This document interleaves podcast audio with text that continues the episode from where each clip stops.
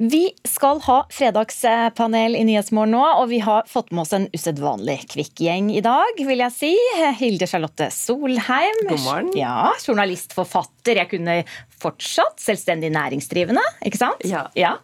Arve Juritzen, redaktør, forlegger, tidligere journalist. Ja, nei, vet du hva morsomt? Vi har sittet og snakket om dette. Vi gamle, nei, vi unge journalister vi kommer alltid til å være journalister innabords. Ja, det er bra. Startet med en forsnakkelse der. Dette kan bli fint.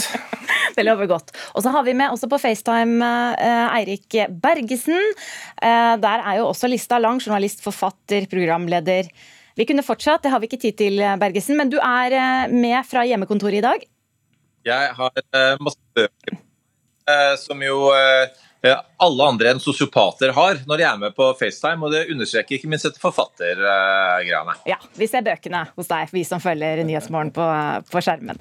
Eh, vi skal starte vi, dere med dette.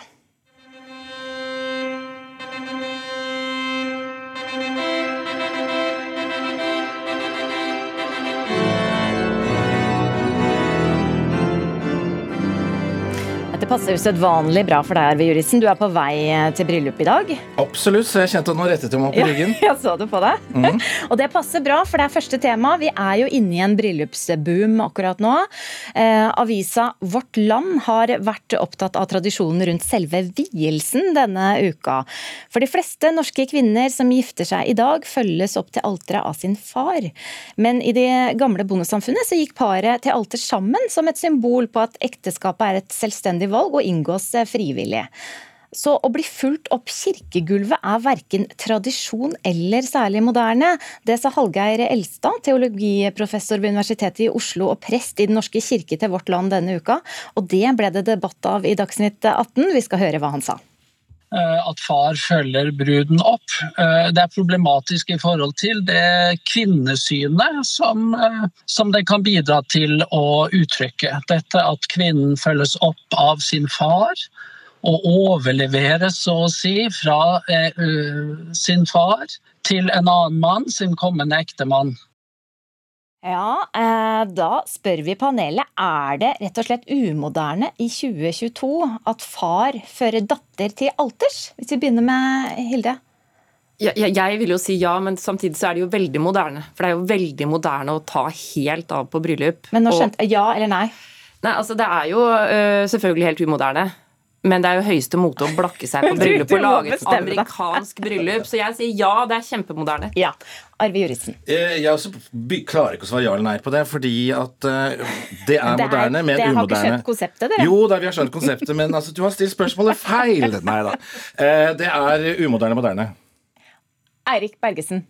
Ja, det er umoderne. Og tenk at det er jeg som er, kommer fra politikken. Det var liksom det. Ja. Vi begynner, Hilde eh, Solheim. Hvorfor, eh, hvorfor så umoderne?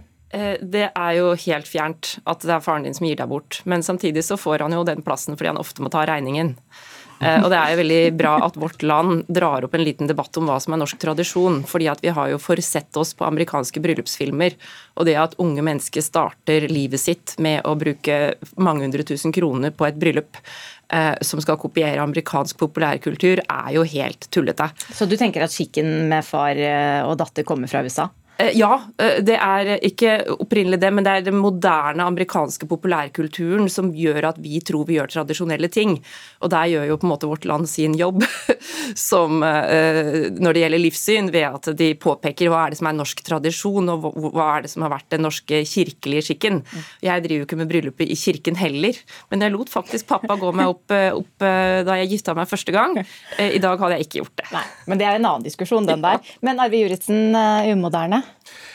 Ja, altså, Jeg, jeg syns ikke vi skal skylde alt på amerikansk popkultur. fordi at det å gifte seg er jo noe av det mest personlige man gjør. Så det er klart man skal tilpasse det. Jeg er på vei til et bryllup nå hvor jeg skal gjøre vielsen, og hvor det er bror som følger en av brudene opp. Så, så, alt tenker jeg nå som gjør en fin og spesiell dag og en inngang på samlivet, er bra. Men dermed må vi ikke kaste ut far.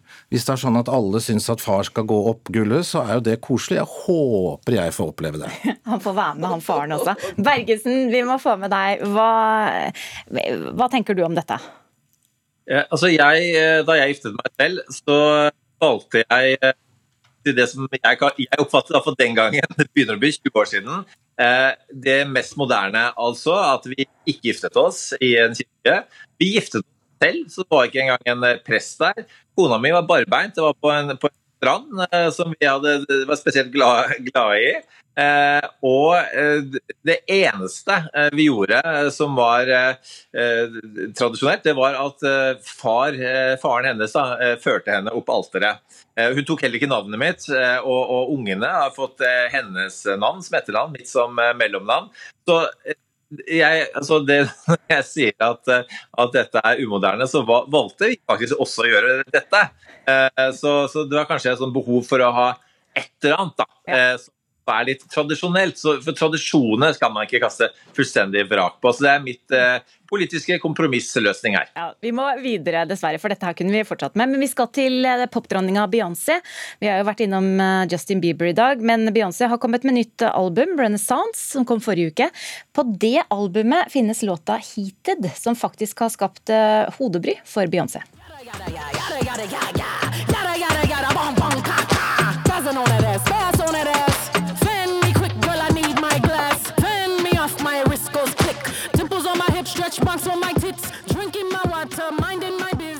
Ja, Problemet for den observante lytter her, det var ordet 'spass' som eh, var med i teksten. Det har skapt problemer for Beyoncé. Faktisk så store problemer at hun har måttet endre ordet, og dermed teksten i sangen. Og hvorfor? Jo, fordi det kan virke krenkende for mennesker som faktisk lider av spasmer som følge av cerebral parese. Denne gruppa kan føle seg mindre verdt når Beyoncé bruker det som hun gjør i sangen. Og spass det er også gammel slang for vill og gal, og kommer fra spastic, som for mange er assosiert med lidelse eller spasme, da, som er betegnelse på brå og ufrivillig kronisk krampe. Men nå har altså Beyoncé tatt bort ordet. Og spørsmålet var det riktig av Beyoncé å ta det bort? Hvis vi begynner med Arve Juristen. Et vanskelig nei. Eirik Bergesen. Ja. Hilde et uh, tvilende bok, ja. Hvorfor ja, Eirik Bergesen? Nei, altså jeg vokste faktisk på et hjem for fysisk utviklingshemmede barn og unge som veldig mange av dem hadde cerebral parese. Og Grunnen til at jeg gjorde det, var at moren min var bestyrer der, mens faren min var jusstudent. Så jeg har et nært forhold til, til akkurat den lidelsen, og utrolig nok så gikk jeg jo og haltet i eh, et helt år da jeg var veldig liten. Og jeg var til allmennlig lege, til en psykolog som sa, skjønte hvor jeg bodde, som sa at han faker en lyte, for han vil være med i gjengen. Mm. Eh, sånn at, eh, så jeg har en bakgrunn i dette her. Jeg kan legge til at Beyoncé er også i stridigheter nå om dagen med Monica Lewinsky for en tidligere sang eh, hvor hun sa he Monica Lewinsky on all over my gown. Eh, som er også veldig politisk ukorrekt. Og eh, Monica Lewinskys poeng var at nå som hun forandrer denne teksten, så bør hun forandre den gamle teksten nå. Og det tenker jeg er, Hvis hun først skal gjøre det ene, så bør hun gjøre det andre. Ja, Problemene tårner seg opp for Beyoncé. Eh, Arve Jurisen, mener du at folk er for lettkrenkede? Ja, Vi har en krenkekultur eh, for tida som jeg syns er vanskelig, hvor vi jo snart ikke kan si noe som helst. For det fins jo alltid noen som blir krenka. Eh, jeg støtter jo veldig at dette, å bruke denne type betegnelsen ikke er noe hyggelig. Men jeg hørte mye, jeg hørte mange andre ord jeg, som jeg syns Beyoncé også kunne fjerna i den teksten sin. Eh, så jeg syns det er vanskelig å si at vi må være forsiktig, Vi må tåle lite grann. Så det må være et rom. Solheim, du var på ja her. Ja, fordi at det er uh, veldig vanskelig for meg å sitte som hvit uh, kvinne, hadde jeg vært mann så hadde det vært enda verre, å si at uh, jeg mener jo ikke noe vondt med n-ordet. Eller at ja, jeg kan kalle homofile for sopere, eller en same skal tåle at jeg velger å kalle henne eller han fortsatt lapp. Sånn at jeg syns egentlig at det er Du fikk du sagt mange ord ja, på en gang. Dette her var veldig krenkende i løpet av to liksom sekunder. Det er så vanskelig at eh, NRK, da de hadde det på norsken, svensken og dansken, ikke engang brukte det. Det må gjelde for Men det er alle, veldig vanskelig for meg som ikke har de skoene på, som vi var inne på her, å si at eh, vet du, akkurat dette skal jeg fortsette å si, fordi at jeg mener ikke noe vondt med det. Og noe av det jeg nevnte nå, gjorde jeg fordi at i dag så hører vi at det er helt feil. Eh, og Hvis jeg da skulle fastholde min rett til å fortsette å bruke det, mens de som føler at dette treffer på en ugrei måte, ikke skal ha en saying, det blir feil for meg. Men så merker jeg da at Beyoncé som kvinne liksom ikke kan være gangster.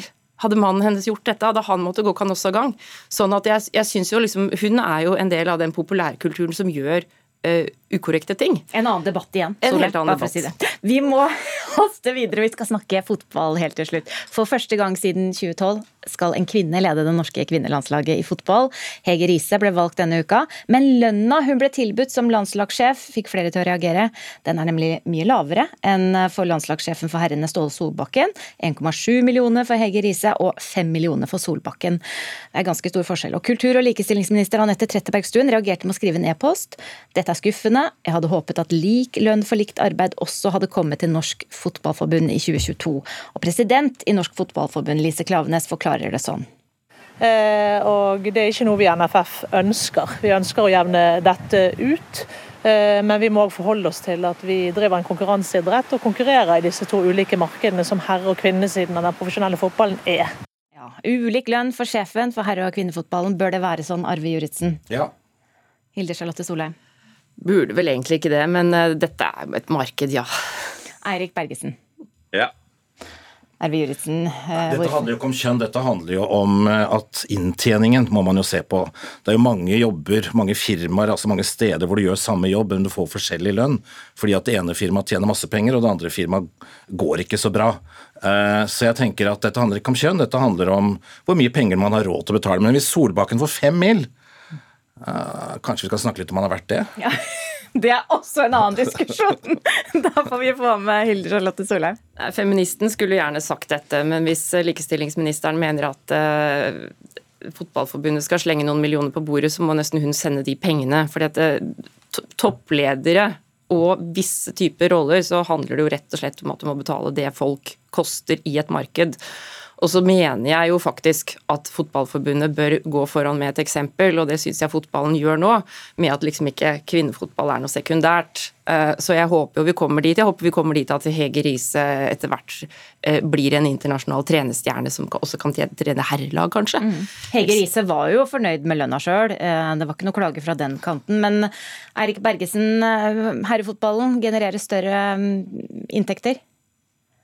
Ja da, eh, altså her er det bare, her er et marked. og Vi er, vi er et kommersielt eh, kapitalistisk samfunn, og sånn er det bare. og Dette er kanskje en av de eh, e, enkleste konklusjonene. og Det er en grunn til at Haaland fikk så mye penger. og så kan man si sånn at eh, Ada Hegerberg har eh, fått, for mye mer penger enn en del andre mannlige fotballspillere, fordi hun er eh, såpass god, og så mange vil se henne. Så, men, men, litt enig med Arve her at fem mil var mye for Solbakken. Vi får se.